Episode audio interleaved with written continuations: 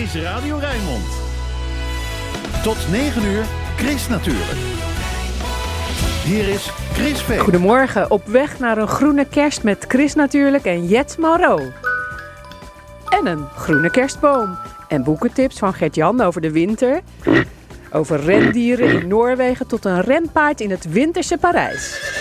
Over het Rotterdamse culturele leven op de foto's van Maarten Loopman en de ideeën van de ontwerpers van het depot hoor je verder vandaag in... Chris natuurlijk, met Chris Vemer.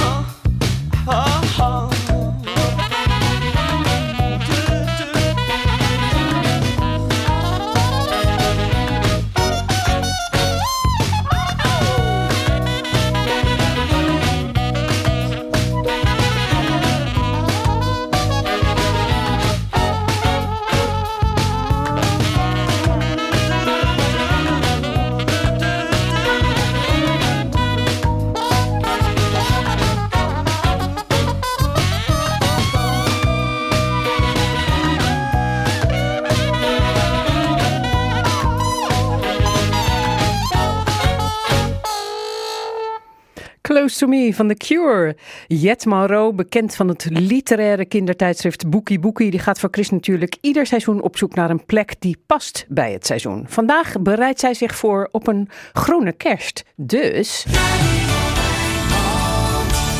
Waar is Jet? Op de kerstmarkt bij Oase aan de Schiehaveren in Rotterdam. jij houdt je bezig met een eh, groene kerst dit jaar. En eh, dat begint bij de boom. En alle leuke dingen die eromheen zijn. En om daarom heb ik een aantal gasten uitgenodigd dit keer. Dat is Arno Bonte, wethouder duurzaamheid van Rotterdam. En Raymond Landregent van Oase en van Groene Morgen. En andere bijzondere initiatieven waar je heel blij van wordt. Ja, En dan ga ik eerst maar eventjes naar de wethouder. Want wat is nou het meest duurzaam? Een kerst zonder kerstboom eigenlijk. Ja, dat zou je zeggen. Eh, ik, ik vier zelf altijd mijn kerst zonder kerstboom. Maar eh, ik snap best wel dat mensen ook een kerstboom in huis nemen. Maar eh, jullie kregen wel een beetje het idee aan het begin van het jaar van... wat is dat toch eigenlijk zonde? Hè? Al die kerstbomen die dan eh, zomaar weer op straat staan... nadat ze eventjes feest hebben gevierd. Ja, dat vind ik in januari, begin januari, altijd wel een treurig gezicht. Eh, al die bomen die dan eh, inderdaad eh, bij het vuilnis staan. Dus samen met de provincie zijn we toen begonnen met het nadenken over... ja, hoe, hoe kunnen we ondernemers uitdagen om die kerstbomen weer een tweede leven te geven. En toen zijn we gestart met de Kerstbomen Challenge. Hoeveel kerstbomen zouden er eigenlijk weggegooid worden in Rotterdam? Ik heb ze nooit geteld, maar eh, dat gaat toch wel om, eh, om tienduizenden eh, kerstbomen. En met de Kerstbomen Challenge willen we in ieder geval 10.000 daarvan willen we een mooi tweede leven geven. En we hebben dus een soort prijsvraag uitgeschreven voor ondernemers om met plannen te komen, ideeën te komen om alle onderdelen van de kerstboom, van de stam tot aan de naalden, om die weer her te gebruiken. Zijn er leuke dingen uitgekomen? Nou, de belangstelling was veel groter dan we verwacht hadden. Eh, maar uiteindelijk moesten we wel een keuze maken. We hebben vier ondernemers eh, uitgekozen die bij elkaar opgeteld 100% van die 10.000 kerstbomen kunnen hergebruiken. Ondernemers gaan aan de slag met eh, het eh, gebruiken van de stam om daar bijvoorbeeld eh, kerstkaarthouders voor te maken. Of de naalden die ook in kerstversiering terechtkomen. Dus die kan dan volgend jaar allemaal gebruikt worden om ook de boom weer een stuk aangenamer te maken. Ja, en, en gezamenlijk kunnen die vier ondernemers ervoor zorgen dat we straks eh, 10.000 kerstbomen in plaats van richting verbrandingsoven een tweede leven bij Rotterdammers thuis met kerst volgend jaar geven. Waarom is dat zo belangrijk? Nou, wij vonden het vooral ook belangrijk om te laten zien dat het opnieuw weer gebruiken, dat zou eigenlijk normaal moeten zijn. Ehm, we- we, zijn inmiddels terechtgekomen in een eh, soort eh, wegwerp-economie. Eh, we, we kopen dingen, we gooien dingen weg en dat, dat belandt uiteindelijk in een verbrandingsoven. Terwijl dat natuurlijk niet een duurzame manier is om met elkaar om te gaan. En de kerstboom is daar eigenlijk een voorbeeld van. Die, die schaf je aan. Het duurt jaren voordat eh, die kerstboom eh, eh, volgroeid is. En dan, ja, dan, dan heb je er even een paar weken plezier van. Nou, en we wilden laten zien dat dat eigenlijk anders zou moeten. Als Rotterdam hebben we ook hoge ambities waar het gaat om het vormgeven van een, een circulaire economie. En we wilden dit als voorbeeld gebruiken om te laten zien dat het kan. En het kan. Eh, het kost wel ietsje meer, hè, dus daarom um, we, moeten er nu ook wat subsidiegeld in, uh, steken. Vooral ook om te laten zien dat, dat het op deze manier kan. Maar ik hoop dat in de toekomst dat dit ook gewoon voor ondernemers een kans is die zij uit zichzelf grijpen. Op veel plekken in de stad in januari richten we ook plekken in waar Rotterdammers hun oude kerstboom kunnen, kunnen afleveren.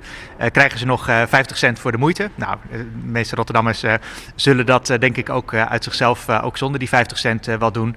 Eh, maar zo hopen we die 10.000 kerstbomen bij elkaar te krijgen.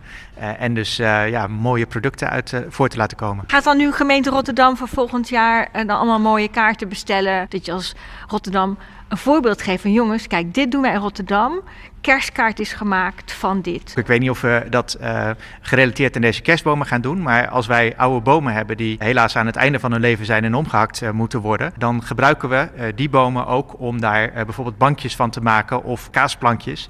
die we ook als relatiegeschenk weggeven. Dus wat dat betreft, jouw idee, dat voeren we ook uit om ook te laten zien dat we als gemeente heel circulair te werk willen gaan.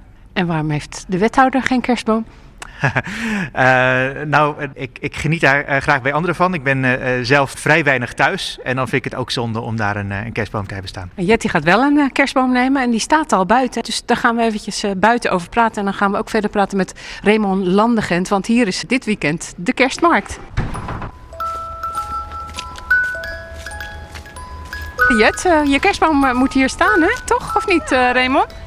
Ja, klopt. We hebben een beter boompje hier van uh, 1,25 meter voor Jet uh, gereserveerd. Een beter boompje, wat is dat dan? Je hebt de Noordmannen. En de kerstboom die ik uitgekozen heb is de Servische Spar. Die is minder trendy. En die heeft een kluit. En die wordt speciaal gekweekt om herplant te kunnen worden. Je krijgt ook een instructie hoe je je kerstboom moet versieren. Dus geen engelenhaar, geen nep sneeuw. Dus die boom moet je echt wel behandelen als een echte boom. En het bijzondere aan deze Servische Spar is dat die herplant wordt. En dan wordt het van kerstboom naar natuurboom. En die gaan naar plekken in Nederland waar eh, herplantingsplicht is voor bomen. Dus ik weet dus dat mijn kerstboom strakjes ergens in Nederland groot kan worden. Ja, en dan moet je hem wel heel goed verzorgen, denk ik. Want anders dan, eh, redt hij het niet. Nou, je mag er tegen praten, het hoeft niet. Maar Ja, Raymond weet ook heel veel van, eh, van planten en bomen. Dus eh, heb je nog een goede tip om je kerstboom het beste de kerst door te helpen? Nou, elke week een beetje water en eh, de, de katten er niet in laten springen. En dan eh, 9 januari worden ze weer terugverwacht hier bij Oase en dan gaan ze weer terug het bos in. Leuk idee, hè? Zeker, ja. Eh, ja, een landelijk initiatief. En wij zijn in Oa met Oase zijn we een van de 25 eh, uitdeelpunten. En als ik nou nog een kerstboom eh, zou willen, zo'n beter boom. Ja, dan is het wel jammer, maar die had je van tevoren moeten bestellen. En jullie organiseren ook voor het eerst een kerstmarkt vandaag en morgen. Die stond al heel lang op ons verlanglijstje. Rotterdam heeft niet echt een leuke kerstmarkt. Trompenburgtuin heb je natuurlijk de groene kerstmarkt. Klopt, eh, maar er was nog niet echt een duurzame kerstmarkt. En heel veel evenementen kunnen nu natuurlijk niet doorgaan door corona. En markten toevallig wel, dus eh, het was een perfect plan voor nu. Ja, want het is buiten op een hartstikke mooie plek. Wat is dit voor plek? Eh, We zijn hier met Oase vier maanden geleden geland bij Scheepswerf te Delft, voormalige Scheepswerf te Delft. Het heeft drie jaar leeg gestaan hier. En nu met de tijdelijke invulling voor de komende acht jaar gaan we hier een eh, sociaal duurzame broedplaats starten. Evenementenlocatie. En eh, we hebben al een aantal dingen georganiseerd. En nu eh, deze kerstmarkt. We hebben zo'n eh 50 deelnemers. En dat zijn lokale makers. Dat zijn vintage verkopers. Dat zijn circulaire ondernemers. Dus er is bijvoorbeeld iemand die hier verkoopt designproducten gemaakt van oude brandslangen. We hebben Coffee Based. Die maken koffie, koffieservies van eh, oud koffiedik. Kan het in de afwasmachine? Kan in de afwasmachine, ja. We hebben nog meer leuks. Eh, even kijken. Toffe peren. Die, die maken een kwartetspel van eh, misvormde groenten en fruit. Maak. Die maakt eh, do-it-yourself knutselpakketten om thuis mee aan de slag te gaan. We hebben een groepje kunstenaars die komen geen product verkopen, maar die komen kerstgevoel verkopen. En we hebben een aantal mensen die verkopen zeg maar diensten. Want we moeten eigenlijk minder producten aan elkaar geven, maar meer ervaringen. Dat is... nou, beter voor het milieu. Buiten komt bijvoorbeeld eh, cadeaubonnen verkopen voor wildplukwandelingen. En de keurige kerel, die, eh, dat is een, eh een opruimconsulent. Die kan je gewoon thuis inhuren om je huis op te ruimen.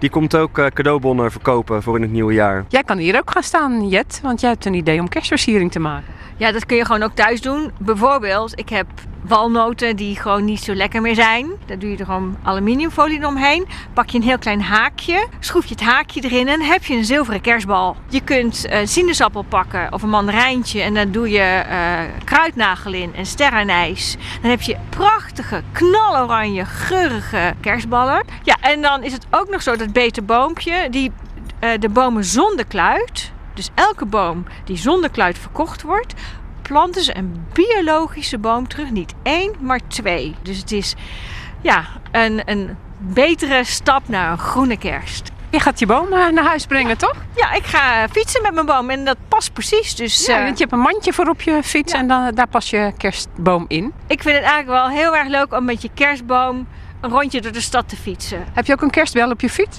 Ja. Dag, fijne kerst! Dankjewel, tot later!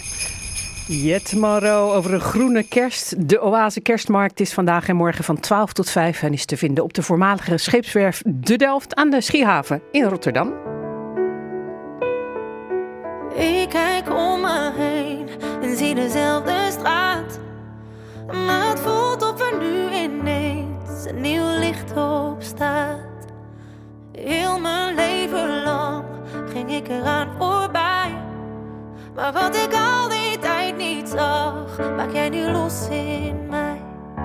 Dat het hier zo mooi kan zijn. Voel je het licht? Proef je de mist? Makkelijk gezegd dat het onwerkelijk is.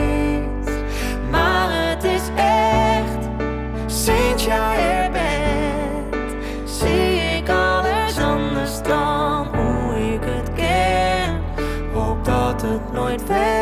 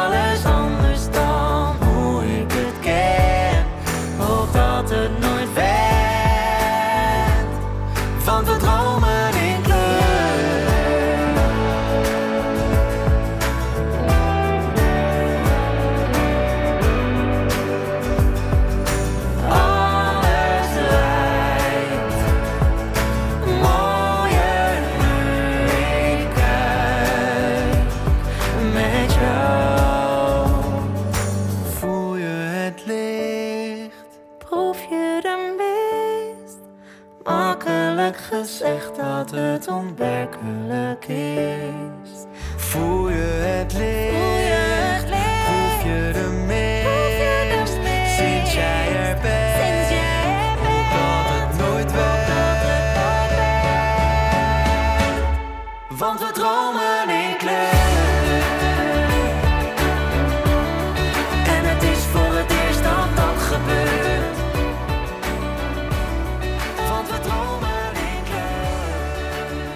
Suzanne en Freek dromen in kleur. Chris natuurlijk, op Radio Rijnmond. Een foto van Jules Deelder voor de Willemsbrug in 1987. Wilfried de Jong met een kop vol krullen in 1988. Het boek Wisselende contacten van de Rotterdamse fotograaf Maarten Laupman schetst een beeld van de tijd waarin het culturele leven van Rotterdam in opkomst is. Het is een boek vol portretten van muzikanten, acteurs, dansers, schrijvers en andere kunstenaars die in de stad woonden of op bezoek waren. De feestelijke presentatie van het boek is door corona uitgesteld, maar Chris natuurlijk, die spreekt nu alvast met de fotograaf en vraagt hem: hoeveel wisselende contacten heb jij eigenlijk gehad? Oh man, daar wil ik eigenlijk bijna niet over beginnen.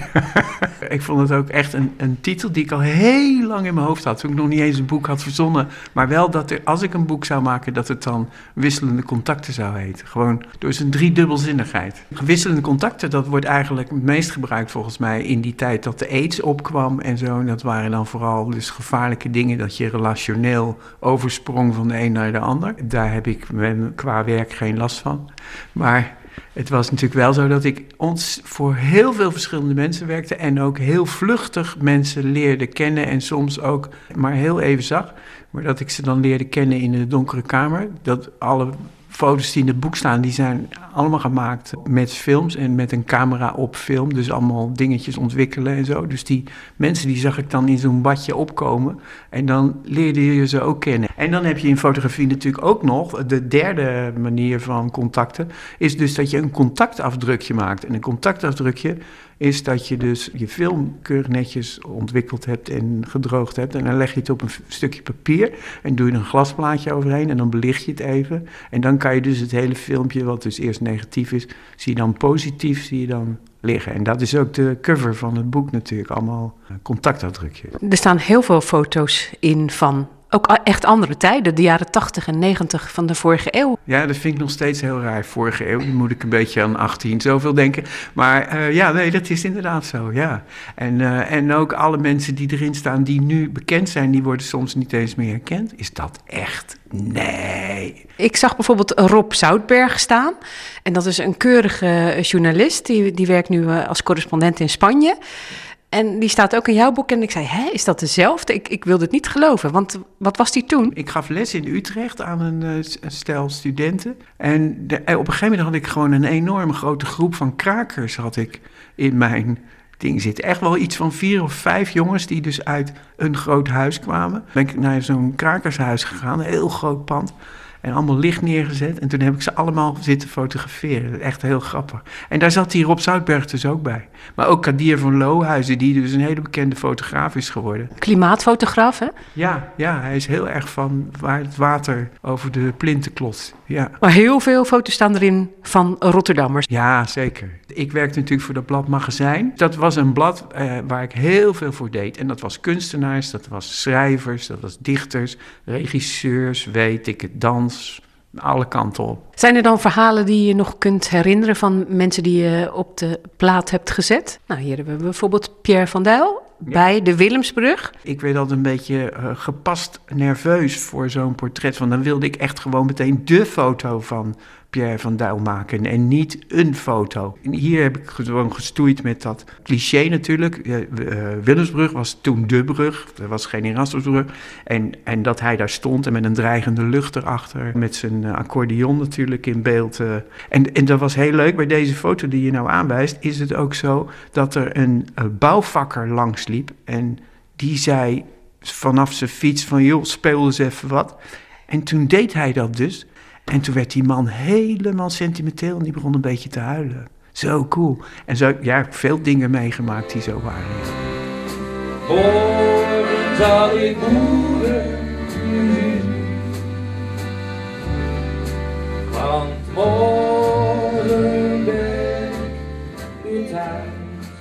Maar het viel me inderdaad op dat je heel veel foto's hebt gemaakt met op de achtergrond de Willemsbrug of de Hef, de oude spoorbrug ook nog. Nou, ik zocht ook altijd wel eh, dingen op, want dat was, eh, dat was natuurlijk ook met die band van Frederik Spicht destijds. I've Got the Bullets. Dat was in dat geval was dat voor Oor, dat muziek, muziekkrant. En dat ik naar de eh, spoorbrug ben gegaan, want dat vond ik toch al zo mooi om te fotograferen. En ik wist hoe je s'nachts foto's moest maken. Dat was heel moeilijk, omdat het hele lange belichtingen waren en daar werd je helemaal gek van. En toen kwamen ze uit een of ander concert terug, half dronken, half weet ik het wat, maar wel in ieder geval.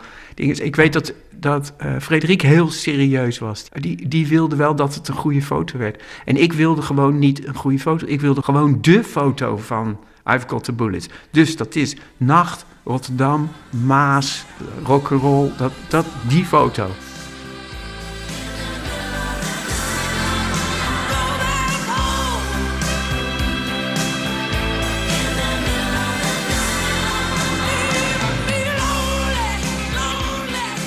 En heb ik ze dus neergezet en helemaal lange belichtingen. En dan moest ik die jongens dus vertellen dat als dan de flits was geweest. En met een hele lange tijd kreeg je twee minuten en moesten ze dood stilstaan. Dus ik heb eindeloze foto's moeten weggooien. En Dit was er geloof ik één echt helemaal perfect. Ik zag ook eh, de Eurythmics erin staan. Die heb ik voor vinyl gemaakt. Dat, dat was ook een eh, muziekblad. En daar had ik een afspraak mee dat ik voor een concert eh, foto's zou maken. En dat gaat dan allemaal heel officieel, want die mensen willen alles helemaal volgens de regels hebben. Niet die band, maar gewoon die organisatie. En ik werd telkens werd ik gezegd, ja, ja, nog een kwartier, nog een kwartier, nog een kwartier. En ik was dus eindeloos aan het wachten.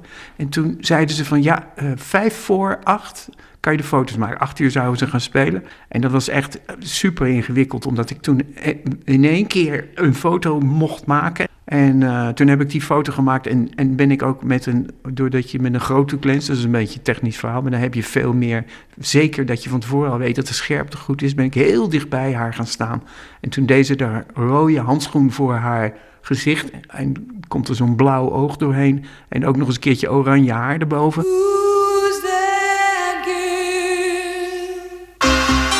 Dus ik dacht, jezus, dit is goed. En zo'n foto maken. En toen zei ze ineens, voordat ik hem maakte, dan van... Oh, dit vind ik wel heel erg dichtbij. Toen zei ik van, ja, maar ik moet nu een goede foto Da!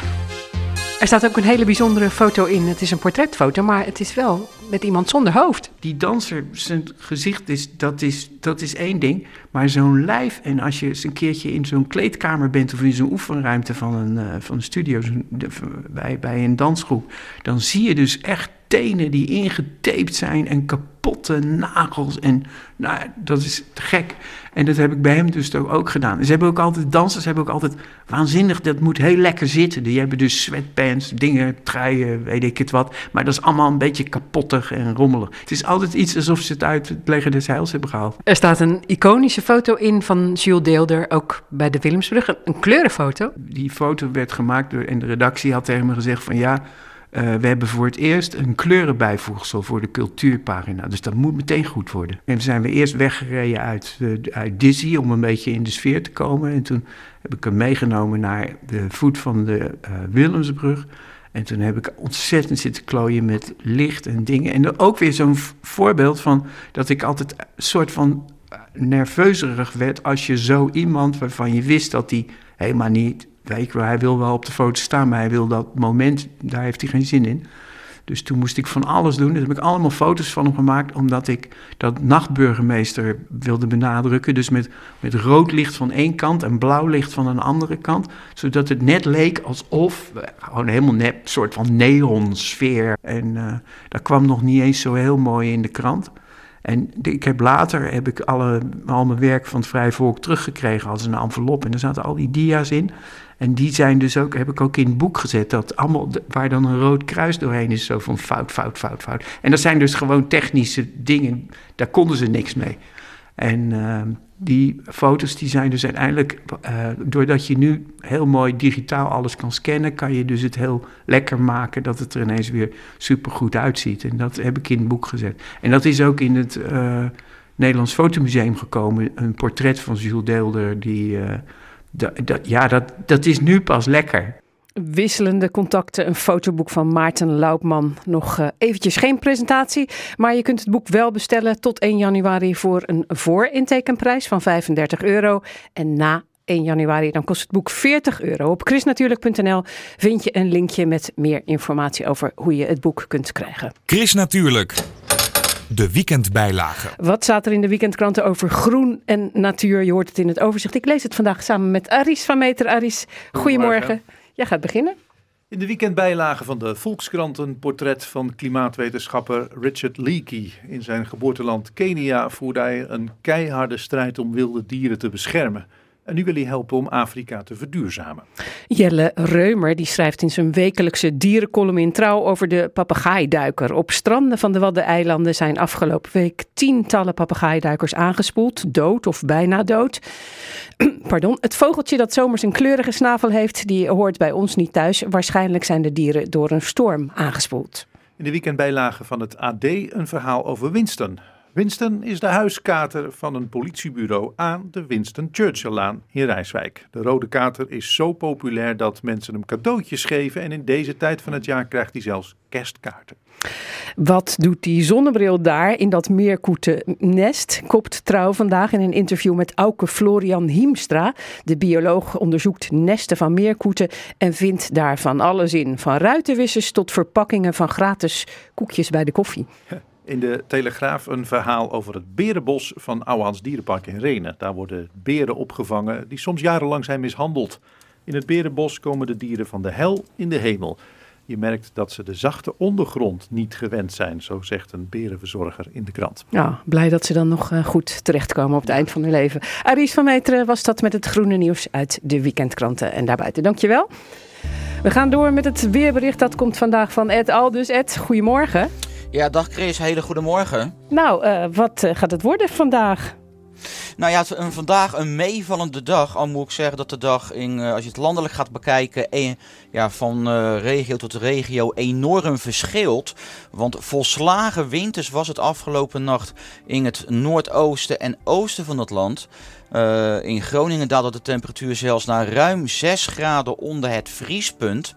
Weggebruikers die nu vanuit het Rijnmondgebied eh, naar Gelderland over IJssel eh, rijden, die moeten rekening houden eh, op lokale gladheid door IJssel. Het KNMI heeft voor die provincie code oranje afgegeven. Dus echt heel goed kijken. Her en der ja, is het spek en spek glad daar. En als je hier blijft?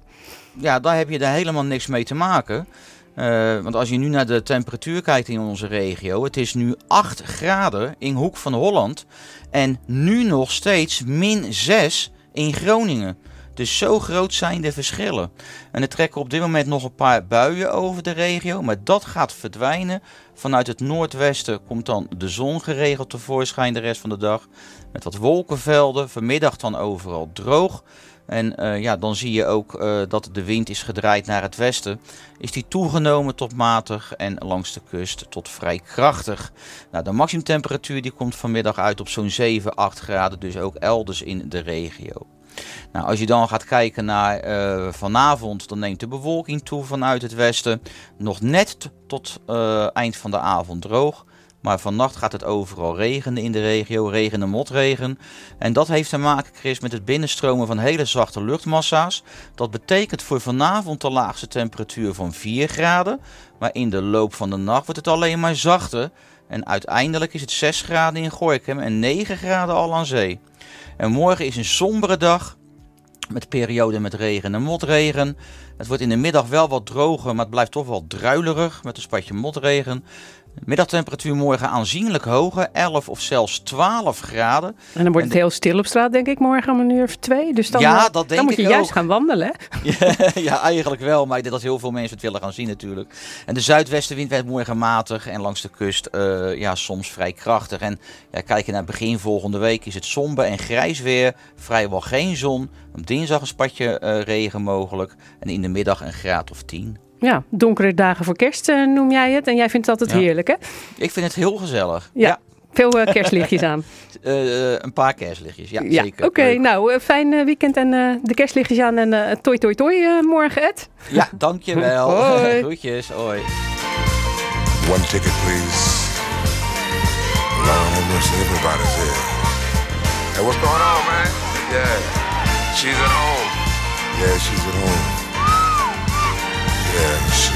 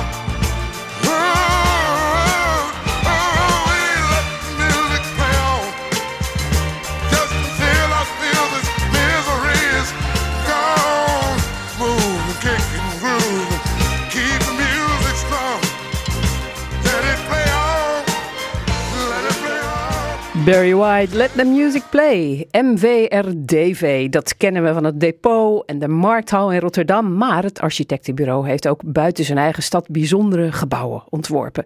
In het nieuwe instituut in Rotterdam maak je kennis met het levende archief van MVRDV. Wie op de zesde verdieping van het nieuwe instituut uit de lift stapt, die waant zich op het kantoor van het vermaarde architectenbureau. En dat is precies de bedoeling. En op de zesde heb je ook nog eens een prachtig uitzicht op het depot in het Museumpark, zegt Fouke Morel van MVRDV. Het is inderdaad, het gaf mij zelf. Ik heb daar eh, acht jaar aan gewerkt, dus het, eh, dus, eh, best ligt zeg maar heel dichtbij. En letterlijk, want ik fiets er ook iedere dag langs. Eh, en nu zelfs vanaf het NI en deze, deze verdieping, de zesde, geeft het weer een hele andere eh, blik. Dus dat was eh, mooi om te zien dat je ineens op een andere hoogte dan vanaf Maaiveld binnenkijkt. Ja, en als we dan naar buiten kijken, dan zie ik daarboven die berken opstaan. Ik heb begrepen dat berken dat dat echt een belangrijke rol speelt in jullie werk. Dat het wel vaker terugkomt, berkenbomen. Ja, dat is iets wat, eh, wat juist het nieuwe instituut eh, eigenlijk heeft opgepikt. Dat was ons nog niet, waar, waren we ons niet zo bewust van. Eh, dus Nou ja, geweldige bomen toch, berken? Absoluut. En ze staan trouwens op het depot omdat ze het heel goed doen op zo'n hoogte met die windlast en de zoute lucht. Dus het is niet alleen maar een leuke boom, maar het heeft ook allerlei, allerlei kwaliteiten. Maar inderdaad, het is een boom die vaker eh, terugkomt. Waar kun je het werk van MVRDV aan herkennen? Het is niet dat onze stijl eh, dusdanig herkenbaar is, maar wel de thema's. Daar hebben we er hier drie van proberen samen te vatten in drie thema's. Human, Green en Dream. Een van de klassiekers die hier eh, aan het begin van de tentoonstelling eh, staat. Staat niet in de rij van Green, maar ik zou eigenlijk het ook in, de, in die rij kunnen zetten. Namelijk de Expo Hannover eh, in 2000. Dus het paviljoen wat we hebben ontworpen voor de wereldtentoonstelling in Hannover. En dat is een stapeling van landschappen, typische Nederlandse landschappen. Dus je hebt de onderste verdieping is, de zijn de duinen. Ehm, dan heb je een verdieping met eh, kassen eh, en een verdieping met bomen. Want eh, nou, we hebben toch ook behoorlijk wat bos, productiebos. En, ehm, en helemaal bovenop zit een eiland met water. Nederland gaat natuurlijk over water en het, en het opvangen daarvan. En een eh, klein landschap aan windmolens. Hoe kun je ten eerste compact omgaan met je omgeving? Dat was eigenlijk wat we daar echt wilden adresseren. Dat je ten eerste eh, niet alleen duurzaam bouwt, maar ook heel slim omgaat met de grond die beschikbaar is. En dat je dus niet alles alleen maar plat bouwt, maar dat je eh, echt heel ver kunt komen met stapeling. En daarmee maak je een bepaalde combinatie van programma, maar ook een verdichting, die natuurlijk in een stad hoogst nodig is. Wij denken dat we in een grote stad wonen, maar als je goed om je heen kijkt, iets verder buiten Nederland, dan is Rotterdam echt een, eh, een soort eh, dorp. Dus er kan nog heel veel gestapeld eh, worden. In een binnenstedelijke situatie moet je echt goed nadenken over wat je doet met de grond die beschikbaar is voor je. Dat is natuurlijk ook echt een, een, een wezenlijk onderdeel geweest van de bouw en het ontwerp van het depot. Je bent midden in een stad en dat was open ruimte. En hoe dan ook, de ruimte binnen een stad is natuurlijk voor iedereen ontzettend belangrijk om daar ook wat lucht en, eh, en eh, openbare ruimte in eh, te houden. Het is bijvoorbeeld gebouwd in een park. En een hoop mensen zeiden, Hè, moet het nou in een park? Ja, nee, dat was en zeer terecht een zeer ehm, doortastende discussie van begin af aan. En dat is in ieder geval iets wat we proberen terug te geven met de bomen op het dak. Wat ook vrij toegankelijk is eh, eh, na eh, openingsuren van depot.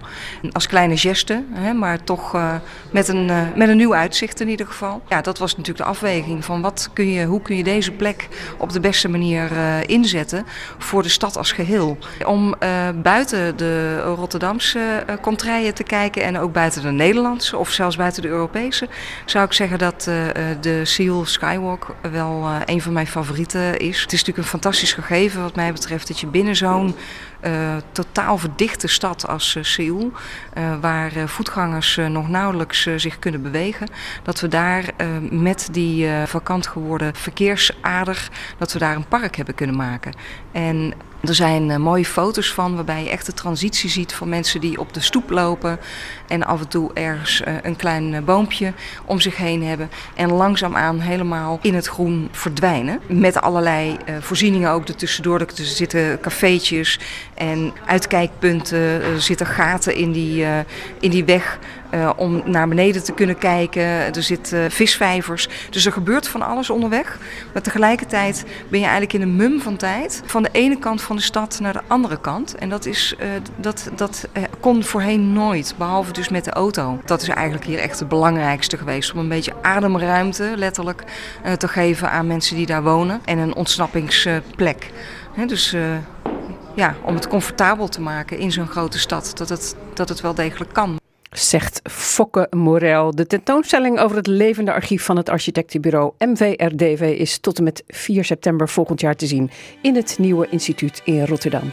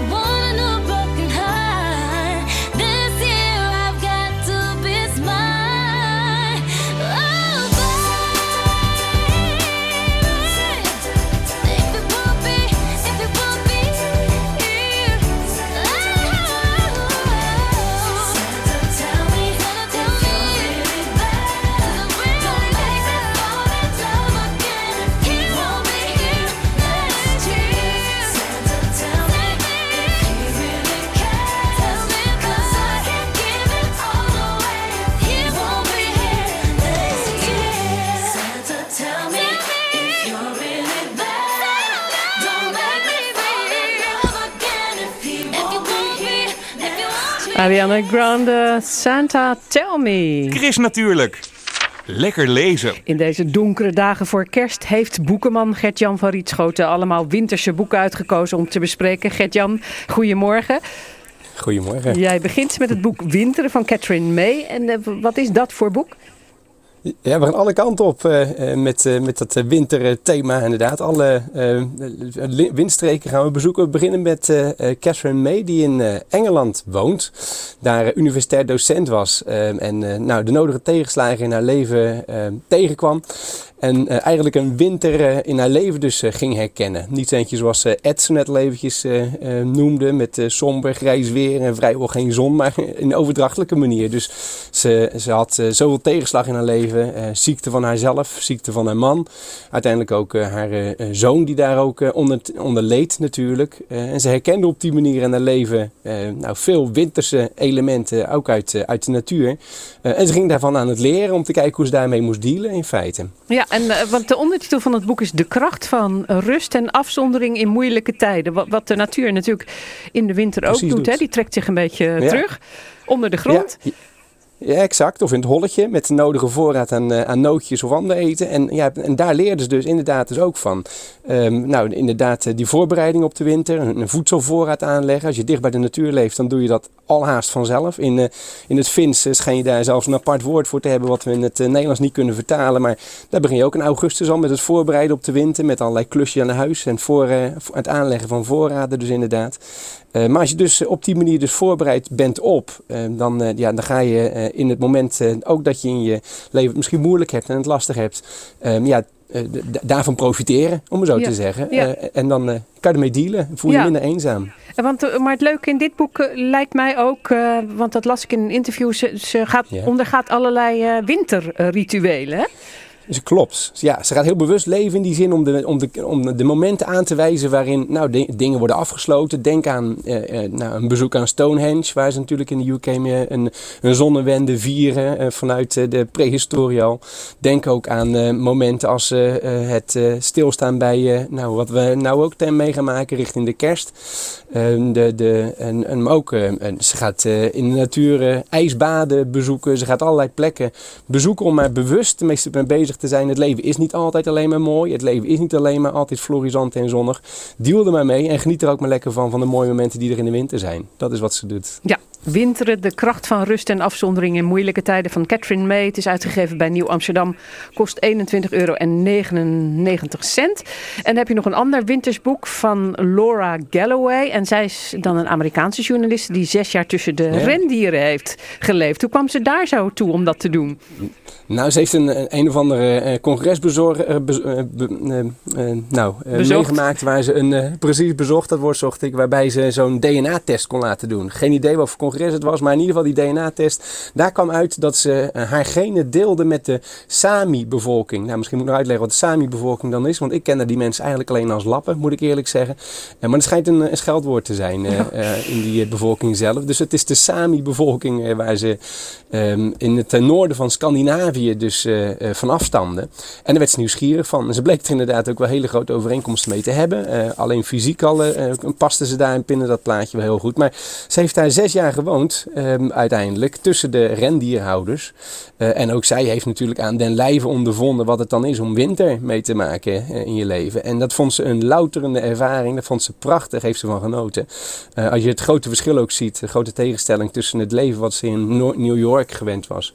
en ook het leven wat ze in Londen, waar ze ook werkte, meemaakte. En dan de, nou de, schraalheid, wat het misschien lijkt op het eerste moment, eerste gezicht van, van de winter in, in het hoge noorden. Maar wat dan ook een zegen voor haar was met, met het tot rust komen, met het weer dichter bij de natuur komen, met het weer kunnen communiceren met jezelf in plaats van alleen maar met social media en met al die mensen om je heen waarmee je moet concurreren.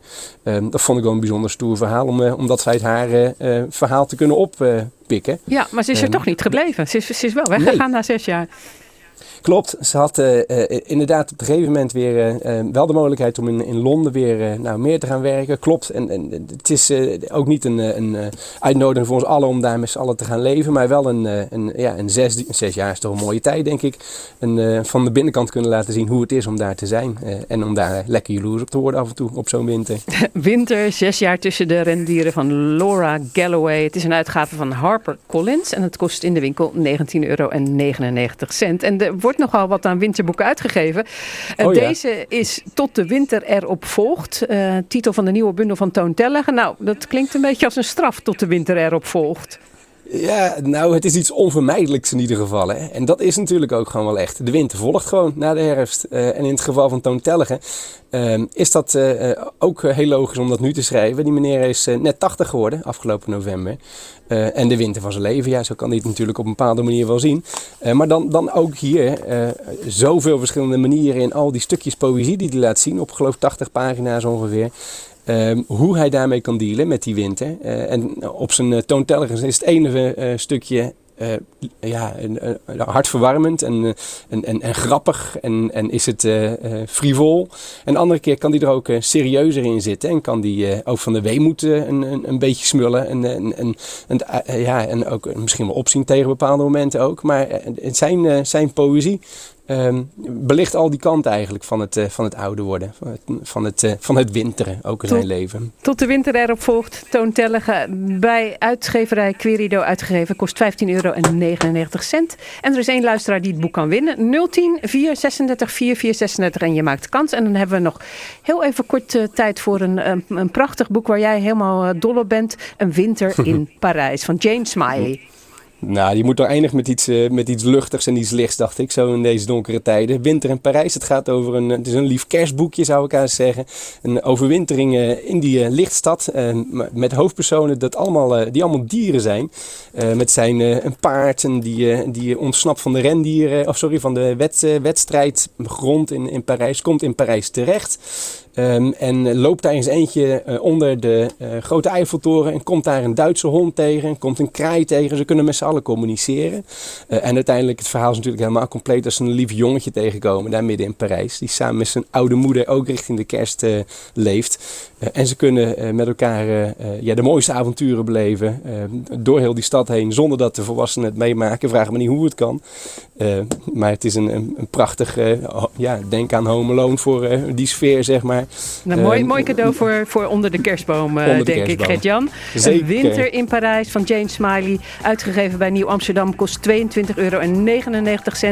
Dat waren de winterse tips van de boekhandel van Riet Schoten uit Rotterdam, IJsselmonde. Gert-Jan, bedankt en vast fijne feestdagen gewenst. Tot ziens. Dit was Chris Natuurlijk. Een programma van Chris Vemer, Aries van Meteren, Danielle Koren en Roeland Kuppers. Die werkte mee. Tot volgende week en morgen zijn we er ook nog. Chris Natuurlijk. Kijk ook op chrisnatuurlijk.nl